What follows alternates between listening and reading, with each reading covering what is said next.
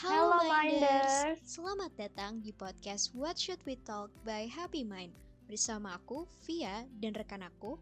Livia. Nah, di hari yang indah ini ya, Kak Via, kita adakan podcast spesial untuk memperingati Women's Equality Day nih, Kak. Shout out nih buat perempuan-perempuan tangguh yang sampai saat ini kalian udah menghadapi berbagai macam rintangan dan kalian juga udah mencapai banyak hal. Pokoknya apa pun pencapaian kalian pada tahap ini, kalian semua tuh udah keren banget. Kita sebagai sesama perempuan harus saling support, ya nggak tuh, Liv? Bener banget, apalagi sekarang kita tuh udah bebas untuk mengutarakan pendapat dan juga berekspresi. Kalau misalnya dibandingkan dengan zaman dulu, baru nih Ibu kita Kartini aja yang baru sadar tentang pentingnya emansipasi kaum wanita. Tapi sekarang mah kita udah pasti bebas nih ya, Kak. Bener banget, Liv. Salah satunya kayak kita nih sekarang ini lagi diskusi, lagi buat podcast, dan kita pengen nih teman-teman mungkin perempuan-perempuan yang lagi mendengarkan supaya bisa apa ya terinspirasi dan mungkin bisa mendapatkan influence yang baik gitu buat kalian ke depannya. Eh, ngomong-ngomong ya, Liv, kenapa sih tanggal 26 Agustus ini tanggal yang spesial nih buat kesetaraan wanita? Ada nggak sih kira-kira cerita-cerita di baliknya gitu? Pastinya dong, karena di Hari Kesetaraan Perempuan atau Women's Equality Day ini, pertama kali itu adanya pada tanggal 26 Agustus 1920, di mana hari itu ditandai untuk memperingati saat pertama kalinya Konstitusi Amerika Serikat memperbolehkan rakyat mereka untuk memilih perempuan sebagai kandidat di lembaga pemerintahan nih Kak. Maka dari saat itu juga, perempuan-perempuan di seluruh dunia juga mulai nih memiliki kebebasan untuk mengekspresikan dirinya. Keren banget ya perjuangan-perjuangan perempuan terdahulu kita ini. Makanya hingga hari ini kita bisa melihat gitu kesetaraan gender dan gerakan untuk menuntut kesamaan hak dan perlakuan terhadap wanita tuh udah semakin berkembang pesat dan cara penyampaiannya pun udah sangat beragam gitu. Apalagi sekarang di zamannya orang-orang bersosial media, apalagi di kalangan Gen Z kayak kita, gimana cara kita berbagi informasi, sharing informasi tuh penting banget. Maka dari itu kita nih Happy Mind sebagai ya media online kita juga punya tantangan nih sebenarnya untuk meningkatkan awareness orang-orang supaya mereka tuh peduli akan suatu permasalahan yang lagi terjadi nih di lingkungan kita. Bener banget nih Kak. Dan kebetulan hari ini kita juga kedatangan tamu spesial nggak kalah luar biasanya nih. Ayo kita langsung sambut aja Kak Syahra Oke, uh, selamat malam Kak Syara. Malam. Nah, uh, terima kasih karena sudah menyempatkan waktu untuk bergabung bersama kita di podcast What You Should Talk by Happy Mind kali ini. Terima kasih banyak juga untuk Happy Mind udah mengundang aku ya di sini. Kita perkenalan dulu aja kali ya, Kak. Nama lengkap kakak itu Kak Halifa Alifa Hana Syarani Tomasri ya, Kak. Iya, Dan bener. kakak, mm -mm. kita panggil kakak Kak Syara aja oke ya kak? Boleh Kak Syara atau Caca juga nggak apa-apa. Oh, Kak Syara, oke oke. Gimana kabarnya nih Kak? Baik, kalian gimana kabarnya? Luar biasa Baik, pastinya. baik. Iya bener. Kalau misalnya kita lihat nih kesibukan Kak Syara belakangan ini tuh kayak sebagai founder dari Women Group gitu ya kak. Ada juga Logika.kreatif dan juga Relearn.id nih ya kak. Boleh kali ya kak diceritain sedikit aja nih bagaimana aktivitas kakak di uh, komunitas-komunitas tersebut. Boleh. Uh, jadi sebenarnya aku kalau aku jadi founder itu aku cuma dua di Women Group sama di Logika Kreatif. Nah kalau Women Group itu sendiri adalah komunitas perempuan yang bergerak di bidang woman empowerment dan kita tuh fokus banget ke gimana caranya perempuan bisa saling menginspirasi sama lain. Makanya kita salah satu core value-nya kita adalah sisterhood, di mana kita tuh berusaha banget untuk uh, antara perempuan ini bisa saling meng menginspirasi sampai pada akhirnya bisa apa ya achieve suatu goals kita yaitu beyond standards yaitu nanti kita pengen supaya cewek-cewek itu bisa melampaui batasan mereka dan juga bisa apa ya kayak misalkan kita sekarang fokus banget sama gender equality dan gender equity gitu. Kalau menurut dari Women Group sendiri gender equity sama gender equality itu bakal achieve kalau misalkan perempuan ini udah sadar sama potensi dirinya mereka sendiri. Jadi makanya itu salah satu uh, apa namanya aiming kita. Kalau di women group sendiri sebenarnya kegiatannya kita selalu ada weekly meeting tiap Senin, terus kita selalu kayak discuss tentang apa aja sih sebenarnya progres kita kayak gimana dan juga kita kalau misalkan uh, kita selalu ng ngadain komunikasi secara berkala lewat grup chat juga supaya kita bisa saling apa ya reach out sama lain dan juga kalau di woman itu kan uh, kita misalnya produk kita so, far masih media kan ya kita berarti kejual konten event dan kita selalu uh, mencoba untuk membuat konten-konten kita tuh up to date gitu kalau di logika kreatif sendiri sebenarnya kegiatan aku tuh so far masih nyari klien juga. Kemarin soal baru ada project kita satu yang uh, done. Jadi kita masih uh, ongoing nyari klien, terus kita untuk co coba bikin konten juga di dalamnya dan coba pitching-pitching juga gitu sih. So far. Wah, keren banget nih ya Kak. Kak ini luar biasa banget karena di umur kakak yang 20 tahun ini kemarin kakak baru ulang tahun nih ya kak ya. Happy birthday kak. Iya. Iya thank iya. you. Happy birthday kak. Ya ampun. Gimana rasanya kak jadi 20 tahun?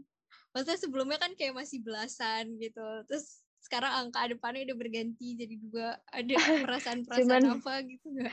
ngerasa pertama banget pasti ngerasa grateful ya udah bisa diberi kesempatan untuk uh, ada di sampai umurnya sejauh ini. Yang kedua ngerasa tua aja sih jadinya. Kayak kemarin masih berapa belas sekarang udah kayak 20 udah puluh puluh tuh udah kayak ya Allah masih uh, udah udah terlalu udah tua gitu kayak. Tapi sebenarnya ya kita masih sama-sama muda lah ya di sini. Bener banget. Mungkin uh, kita langsung aja kali ya Liv ke pertanyaan yang selanjutnya nih. Uh, ngobrol-ngobrolin tentang kehidupan kakak gitu sehari-hari sebagai seorang perempuan kakak pernah ngerasa nggak sih ada struggle atau tantangan tersendiri gitu loh menjadi seorang perempuan dalam kehidupan kakak? Hmm, oke. Okay. Kalau misalkan ngomongin struggle untuk aku sebagai perempuan, aku mau kayak uh, apa ya? Aku nggak pengen bilang kalau misalkan perempuan di perempuan di masa sekarang tuh masih unprivileged. Menurut aku perempuan di masa sekarang tuh udah beyond privilege menurut aku kayak walaupun kita juga masih tetap ada lah ya namanya inequality gitu di di dunia di Indonesia terutama kita masih hidup dalam stigma stigmatisasi patriarki dan lain-lain. Tapi so far sebenarnya perempuan itu udah berkembang banget di Indonesia juga kalau menurut aku udah cukup berkembang. Jadi buat aku personally struggle yang khusus untuk menjadi seorang perempuan tuh mungkin nggak ada. Kayak apa ya mungkin kayak spesifik aku ngerasa direndahin sama kaum laki-laki atau kayak gimana menurut aku nggak ada karena aku dan lingkungan aku lumayan suportif jadi menurut aku itu sebenarnya nggak ada. Mungkin tapi ada beberapa hal yang kayak stigma stigma soal misalkan cewek nggak usah tinggi tinggi banget pendidikannya atau enggak cewek tuh apa ya kayak maksudnya mungkin kalau jangan terlalu hebat atau kayak gimana itu mungkin masih ada. Buat aku itu masih ada karena ada di lingkungan-lingkungan yang masih ada di sekitar aku. Cuman so far kalau di kalau menurut aku sendiri hidup di zaman sekarang tuh udah privilege banget loh buat perempuan. Kayak udah banyak orang yang sadar sama gender equality pertama. Kedua walaupun masih nggak segitunya cuman maksudnya udah banyak orang yang sadar dengan itu. Kedua woman empowerment community udah banyak banget juga di luar sana dan cewek-cewek udah lumayan apa ya saling support satu sama lain. Jadi menurut aku itu dua hal yang kayak uh, apa ya menurut aku udah jadi privilege banget lah untuk perempuan-perempuan di masa sekarang. Cuman yang tadi kita nggak bisa di kita nggak bisa ngedinai uh, stigma-stigma orang yang udah hidup kayak udah ada dari seribu tahun lah istilahnya nggak sih? Kayak apalagi di Indonesia gitu kita kita hidup di dunia yang patriarki banget. Kita selalu dikasih istilahnya kita selalu dikasih point of view kalau ya apa pun tuh uh, perempuan yang terlalu hebat atau terlalu alpha tuh emang gak ada tempatnya di sini mungkin gitu ya. Atau enggak ada tempatnya tapi ya janganlah jangan tinggi tinggi terus susah cari jodoh lah, lah gitu. Itu kan banyak banget kayak gitu gitu kan. Mungkin stigma stigma itu yang emang masih nggak bisa dihilangin. Dan menurut aku nggak apa-apa. Itu proses. Di mana kayak proses apa yang kita sebut proses itu nggak akan nggak akan sebentar. Kalau misalkan sebentar namanya instan kan. Dan gak ada yang instan di dunia ini. Jadi menurut aku kayak proses untuk menuju ke equality dan kayak kesetaraan yang benar-benar setara itu nggak akan pernah sebentar tapi setidaknya sekarang udah mulai kebuka. Di zaman zaman abad 21 ini apalagi. Udah banyak kok perempuan-perempuan hebat di luar sana kayak teman-teman pasti ngeliat banyak founders and then CEO yang udah perempuan VP lah we already have our place gitu di dunia ini sebenarnya. Gitu sih. Oke, mungkin uh, aku ngutip sedikit nih dari postingan Woman Group di Fun Fact Kakak gitu. Mm -hmm. Ke di situ if I could be a Disney character, uh, I would choose to be Rapunzel because she's smart, brave, and talented. And for me, those are three important aspects that can prepare me to face this world. Nah, hmm. gimana hmm. cara kakak mengaplikasikan tiga hal itu dari Rapunzel untuk uh, menghadapi kehidupan ini gitu, Kak? Gimana itu? Oke. Okay. So, menurut aku ke aku refer to latest Rapunzel yang Tangled ya. Dia tuh orangnya kan istilahnya dia berani untuk mengutarakan yang yang apa yang menurut dia benar dan juga dia juga berani untuk mencoba hal baru berusaha untuk mengembangkan keberanian dari dirinya sendiri. Terus dia juga pintar pintar dalam arti bahwa dia tahu mana jalan yang sebenarnya harus dia pilih. Karena menurut aku tuh tiga hal yang penting banget saat kita menjadi seseorang. Nggak kalau buat aku nggak hanya untuk orang perempuan ya kayak untuk semua orang yang hidup di masa sekarang pertama kita harus berani untuk pick up. Kenapa? Karena semakin kita takut atau semakin kita bungkam terhadap apa yang kita rasa benar atau apa yang ngerasa kayak bukan berani SN kita melawan ya kalau menurut aku. Tapi berani SN kalau lo ngerasa benar kalau lo ngerasa opini lo butuh untuk didengar ya lo utarakan. Karena nobody will listen kalau nggak lo nggak ngomong. Kayak istilahnya gini mungkin kita kita nggak akan tahu orang akan tahu ada keberadaan uh, opinion lo tuh kalau lo nggak ngomong gitu. Kayak nggak ada orang yang bisa baca pikiran nggak ada orang yang bisa baca hati lo. Jadi if you want to have something if you want to go forward try to speak up. Try to be brave. Try to be brave to get out of your comfort zone. Di situ juga aku pelajarin dari Rapunzel kayak dia nyaman sebenarnya kan hidup di atas. Kata kata kata ibu tirinya kan bilang kalau misalkan enggak kalau di sini aman di luar tuh bakal kayak banyaklah tantangannya. Dan dia merasakan itu pada akhirnya gitu kayak banyak tantangannya banyak orang yang jahat banyak orang yang menyuri rambutnya dan lain-lain kan. Tapi dia mencoba untuk um, apa ya dia mencoba untuk keluar dari zona nyaman dia yang menurut dia dia udah nggak berkembang di dalam sana. Dia kan berkeluar karena dia ngerasa bosen kan ya? Nah, dia bosen Benar painting banget. mulu lah dia cuma masak lah cuma berdua sama kadalnya dan lain-lain gitu. Jadi kayak hal-hal tersebut yang menurut aku penting juga. Kayak you have to get out of your comfort zone. Uh, karena hidup dalam skema yang sama bertahun-tahun hidup dalam situasi yang sama nggak akan membuat kamu berkembang. Dan kalau misalkan satu step aja kamu keluar dari uh, comfort zone kamu dan kamu rasa gagal, itu adalah pembelajaran terbaik menurut aku. Karena I was on that position juga. Pada saat dulu aku pernah gagal karena uh, kuliah dan lain-lain gitu. Terus kayak aku berusaha untuk keluar dari zona nyaman aku, aku masuk, aku mencoba untuk pindah ke jurusan IPS padahal aku nggak pernah suka banget IPS dari dulu gitu. That's that's one of the example yang I, I take risk gitu. Kayak I I move gitu untuk sesuatu yang ternyata bring me to a better way sekarang. Karena kita nggak pernah tahu apa yang akan terjadi di depan. Kayak Rapunzel juga dia take risk nih. Uh, keluar dari rumahnya dia dikunci bertahun-tahun dan lain-lain. Terus ternyata end up dia jadi princess malahan kan. Dia kayak menemukan dirinya yang sebenarnya itu sih nilai-nilai yang aku ambil juga dari Rapunzel dan kayak menurut aku penting banget untuk kita terapin sebagai apalagi kalau misalkan sebagai perempuan yang kalau misalkan kalian ngerasa privilege kalian masih kurang nih sebagai perempuan ya udah take risk. Kayak try to do something more. Karena mungkin aku nge, aku ngambil edukasi yang tinggi sekarang. Terus habis itu aku ngambil aku nyoba kerja mencoba untuk penghasilan sendiri. Aku mencoba untuk bikin community. This is one of the thing yang menurut aku kayak ya this is out of my comfort zone gitu. Dulu aku nyaman-nyaman aja kok sebenarnya hidup dengan kuliah aja. Cuman kayak aku mau coba sesuatu yang lebih baru atau menantang. Mungkin kayak gitu. Bener banget ya Kak. Apalagi kalau misalnya kita ngebandingin dengan ibu kita Kartini ya. Kalau dulu kan zaman-zaman dulu mm. uh, perempuan-perempuan Indonesia itu kayak terkesannya dilarang untuk melakukan semua hal yang ingin mereka lakukan gitu ya Kak. Tapi ibu kita yeah. Kartini ini Bener.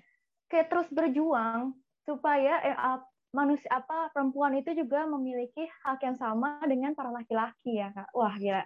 Keren iya. banget ya kak. Kalau gitu betul betul. Setuju. Hmm.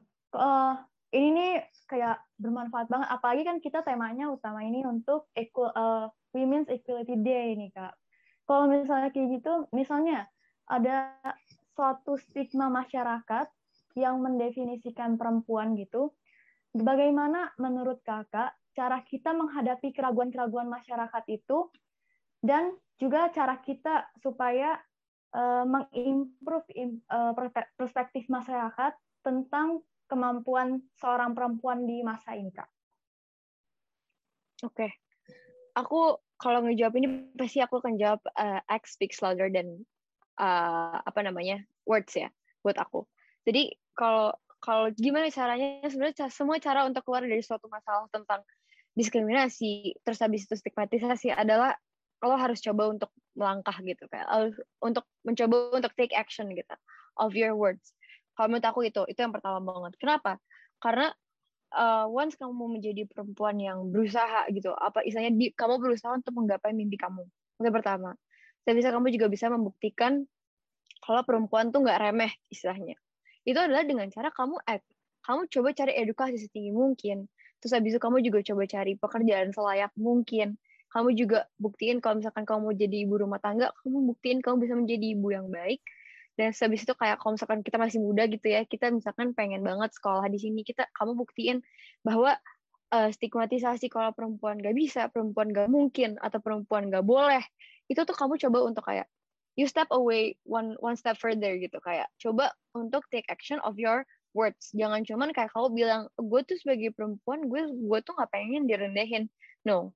Kalau cuma ngomong kayak gitu you just saying your thoughts. Terus abis itu tapi kayak lo nggak mencoba untuk uh, ngedeliver si thoughts itu menjadi sebuah action. Which is nggak orang-orang juga akan ngomong ngelihat kalian kayak yaudahlah cuma ngomong doang. Atau gue cuma kayak sekedar statement lah istilahnya. Tapi sebenarnya nggak nggak kayak gitu kalau misalkan emang if you want to do something if you want to get out of that kind of stigma gitu ya you uh, you have to get out with pride yang kayak lo bawa pride lo lo coba untuk apa ubah itu jadi action yang apa ya yang real gitu yang beneran ada yang beneran terjadi di hidup lo. Kayak jangan takut untuk melakukan sesuatu yang benar gitu. Kayak mestinya misalkan mengambil pendidikan tinggi gitu. Misalnya you have the privilege tapi kayak kamu nggak nggak nggak bisa karena orang-orang bilang jangan lantar lo yang tadi kayak aku bilang jangan lantar lo nggak punya jodoh lah jangan lantar kayak gini kayak gitu. No. You know what? Kayak maksudnya perempuan itu akan menjadi ibu loh. Ibu itu akan menjadi contoh loh bagi anak-anaknya. So if if a man milih seseorang yang kayak nggak pengen yang sekolahnya tinggi-tinggi kita harus memperbaiki generasi kita juga kan ke depannya. Kayak eh, if you ever heard uh, ada ada salah satu research juga ya dari ilmuwan. Yang bilang kalau misalkan 30% of the child's apa ya kecerdasan uh, kecerdasan dari anak adalah kecerdasan ibunya.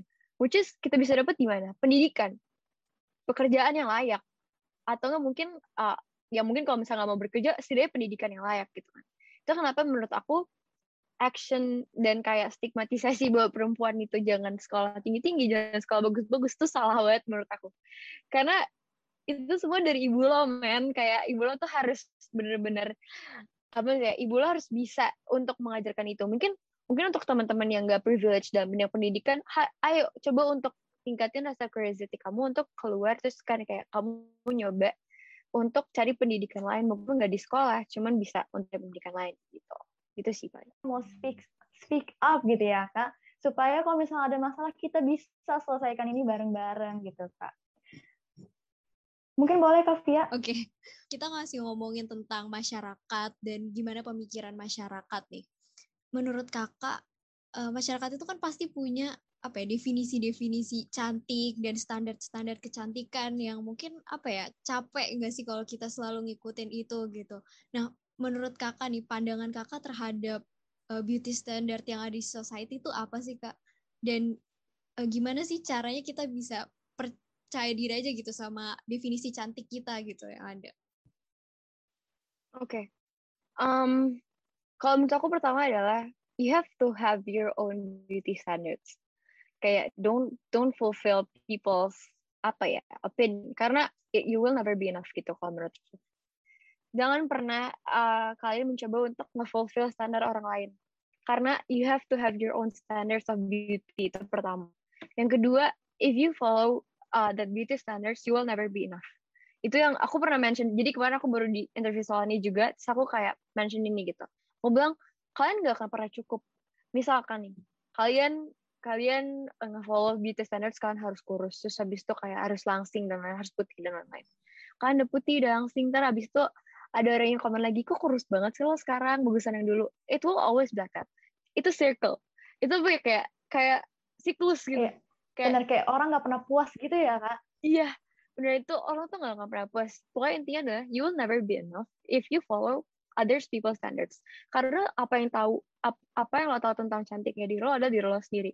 It's okay kalau lo mau follow cantik cantiknya orang Korea it's okay. That's your own beauty standard. At least jangan ikutin orang yang pengen kayak gitu. Kalau tubuh lo nggak mau lo juga nggak akan cantik gitu. Karena pada akhirnya lo akan terpaksa kan. Misalnya lo akan menjalani hidup yang gak sehat lo akan menjalani hidup yang gak baik juga. Lo stres karena uh, apa ya thoughts orang dan lain-lain. Pada akhirnya lo akan menjalani hidup yang gak baik juga gitu. Gitu sih. Jadi uh, dua hal tadi kayak kamu harus punya standar kamu sendiri dan yang kedua kalau kamu ngikutin orang terus you will never be enough. Gitu sih. Ya benar banget nih kak. Apalagi kan kalau misalnya belakangan ini kayaknya harus nih ya harus ngikutin kayak K-pop idol yang itu harus ngikutin artis yang ini gitu kan padahal kita sendiri kan mm. juga belum tentu cocok ya sama tubuh kita gitu kan nah benar-benar iya kita jadinya harus sadar juga bahwa kita itu ya udah diciptakan Tuhan secantik ini gitu ya. Kenapa harus melebihi yang kita inginkan gitu kan ya. Kalau gitu, hmm. kalau tadi kakak udah uh, kita harus punya beauty standard kita. Gimana sih kak kalau misalnya cara meningkatkan kepercayaan diri? Kalau misalnya sekarang kan kakak jadi narasumber gitu ya, jadi public speaker. Mungkin ada pesan-pesan yang harus disampaikan kepada perempuan-perempuan di luar sana supaya lebih percaya diri dengan diri mereka sendiri? Oke, kalau lebih percaya diri, kalau menurut aku kadang gak semua orang punya privilege untuk kayak bisa langsung percaya diri. Itu pertama. Jadi don't push yourself to have a, a high self esteem because itu step by step sih menurut aku. Karena aku pun begitu gitu. Kayak maksudnya aku nggak kayak aku bukan tipe orang yang dulu dari dulu bisa langsung ngomong di depan, bisa langsung utarain apa yang aku pengen ngomongin dan lain-lain. Itu itu step by step di mana kalau buat aku personally percaya itu bisa percaya diri itu bisa diraih saat uh, kita ngerasa kita udah punya capability yang enough makanya aku baru menjadi orang yang aku berani ngambil talks dan lain-lain ini baru kayak belakangan ini kenapa karena aku merasa my capability of these things. Dan aku juga harus tahu nih kan makanya aku minta tor dulu kan yang waktu itu kayak ke kalian. Hmm. apa nih yang mau kita omongin? Kalau if it's beyond my capacity aku gak bakal ambil. Kenapa? Karena menurut aku uh, my self esteem nggak bisa naik kalau misalkan aku nggak ngerti nggak ngerti masalahnya atau materialnya. Jadi that's important. Satu uh, kalau mau percaya diri jangan paksa diri sendiri untuk percaya diri terhadap suatu hal yang kamu aja nggak percaya sama diri kamu sendiri gitu. Atau enggak kamu nggak percaya atau kamu nggak punya ilmunya menurut aku kadang-kadang suka kayak gitu. But kalau kamu ngerasa kayak uh, di hal yang kamu nggak ngerti itu dan kamu udah research kamu udah pelajarin dulu oke okay, take that risk gitu. Kalau buat aku kayak gitu ya kayak maksudnya nggak udah ambil aja topiknya ambil aja materinya saat uh, kamu emang udah research. Pokoknya intinya adalah oh, untuk percaya diri itu lo harus punya bekal yang cukup gitu. Either emang pendidikan lo itu either emang lo bergerak di bidang itu atau lo doing research dulu sebelum melakukan sesuatu itu. Yang kedua percaya aja deh sama potensi diri sendiri. Kadang tuh itu ya makanya woman tuh sangat eager untuk nge-embrace women's potential gitu. Karena banyak banget perempuan luar sana yang ngerasa kayak potensi dirinya tuh nggak sebesar itu. Padahal you're you're very good gitu. Kayak maksudnya istilahnya banyak banget potensi-potensi yang ada dalam diri kita masing-masing tapi kita nggak percaya aja kalau itu kita bisa ngelakuin itu. Jadi sebelum kayak untuk ngobrol sama orang lain untuk uh, speak up tentang pendapat mungkin belajar untuk percaya sama dirinya jadi kalian sendiri. Nah sama tiga hal yang dari dulu woman tuh selalu punya uh, apa ya value adalah believe try sama share. Jadi pertama believe, percaya dulu sama diri sendiri, percaya dulu bahwa diri lo tuh punya potensial dan yang enough gitu ya untuk di-share ke orang lain. Yang kedua try. Try itu apa? Try to implement it to to your society gitu. Don't only try to implement it to yourself. Yang to ourselves kan pas di believe nih ya. Kita udah percaya dulu. So uh, next step adalah try to implement it to your society. Yang ketiga uh, share. Share adalah make impact gitu. Make impact di mana lo nggak cuman mengerjakan eh, hal-hal tadi tuh untuk diri lo sendiri, udah untuk orang lain, dan nggak cuman lo kasih tau doang nih kayak gini lah caranya gitu. Tapi you share, kayak you try to make a domino impact, di mana if you if you share this knowledge to other people, terus kak, dia juga berusaha implement di kehidupan mereka dan lain-lain, kalian akan membawa dampaknya sangat luas dan sangat besar. Menurut aku itu penting banget sih. Jadi kayak we have to try to make a domino effect in every situation. In every impact that we we want to make. Jangan only make impact for ourselves, tapi make impact impact for others juga to the society. Gitu sih paling. Uh, aku mau tanya juga nih sama kakak. Uh, berkaitan dengan impact juga untuk orang lain nih. Dan uh, karena podcast kita juga spesial tentang Women's Equality Day, menurut kakak uh, penting gak sih buat kita ikut untuk meramaikan Women's Equality Day ini? Atau paling gak kita bisa memberikan impact gitu ke uh, peringatan hari ini gitu untuk apa ya orang lain tuh supaya punya awareness gitu terhadap hal ini gitu. Aku menurut aku penting juga. Penting bukan penting juga malah penting banget. Penting banget untuk nge-spread awareness tentang women equality. Pertama sebenarnya aku juga ada dua hal sih kan women women's uh, equality dan women's equity. But it's it's kind of similar tapi uh, what is more powerful dari buat women personal adalah women equity. Tapi it's okay if it's women equality uh, I'm sure that ini penting juga. Tapi what is more important menurut aku adalah uh, the interpretation of women's equality itself ya. Yang masih menurut aku masih banyak di misinterpretasi sama orang-orang zaman sekarang. Bahwa aku pengen pengen speak apa ya aku pengen coba omongin aja bahwa women's women's equality is not the same with atau gender equality is not the same with woman empowerment. Gitu. Nah kalau buat aku gender equality itu adalah kesamaan hak yang didapatkan oleh perempuan dan laki-laki. Di mana not one overpowering some uh, the other gender gitu kan ya. Dari situlah a woman bisa dapat equality-nya karena mungkin sekarang masih banyak banget thoughts yang berkaitan tentang women empowerment dan gender equality yang bilang kalau misalkan uh, women empowerment tuh sama gak sih sama gender equality? Atau women empowerment tuh sama banget sama gender equality? No it's different. Women empowerment is how do you how women empower themselves. Bukan uh, how women try to overpowering men. Dan itu juga berlaku di women equality gitu ya. Kayak maksudnya di sini adalah kita cuma butuh hak kita dap didapatkan kita bisa ber berkreasi ber bersuara sesuai dengan apa ya hak yang sama dengan kita. Tapi wanita dan laki-laki tuh punya porsinya masing-masing. So it's equal not same ya. Dan orang tuh masih banyak banget yang ngeinterpretasiin kalau misalkan if if men bisa dapat kayak gini cewek juga harus dapat kayak gini. Tapi in what context gitu? Karena orang banyak banget yang misinterpretasi bahwa semuanya tuh harus sama. Padahal kayak in terms of strength gitu ya. Misalkan ada cewek-cewek uh, misalkan cewek dibilang harus bisa uh, apa apa misalkan bisa kuat di field A gitu. Tapi misalkan sebenarnya di dia realitanya yang bisa kuat di field A adalah emang laki-laki gitu. Terus habis itu dan ada di ada satu lagi woman uh, cewek itu kuat banget di field B. Tapi cowok tuh nggak kuat di field B. Jadi kayak it's equal tuh kayak sama-sama punya field yang fieldnya masing-masing gitu. Jadi itu yang menurut aku masih banyak banget missnya di masyarakat bahwa uh, banyak yang ngerasa bahwa kalau perempuan itu harus apa ya se sekuat setangguh se, sesama itu sama laki-laki. Tapi enggak menurut aku. Kayak if woman can already can feel apa merdeka terhadap dirinya sendiri terus bisa ngerasa bisa mendapatkan pendidikan yang layak, bisa mendapatkan pekerjaan yang layak, bisa menjadi ibu rumah tangga yang baik, bisa memiliki hak-hak lain yang bisa dimiliki juga eh, dari laki-laki itu udah cukup. Itu cukup banget dan itu udah equality. If woman can get the same pay kalau dia emang melakukan pekerjaan yang persis sama sama laki-laki, itu that's woman equality. That that is gender equality. Tapi if perempuan uh, pekerjaannya nggak sebanyak laki-laki nih di satu kantor, tapi they want to get the same pay, that's not equality, right?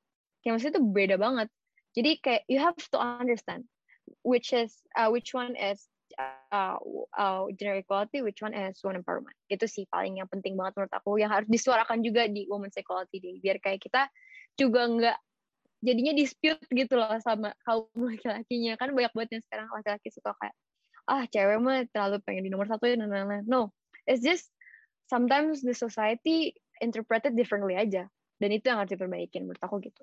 Iya bener banget nih kak.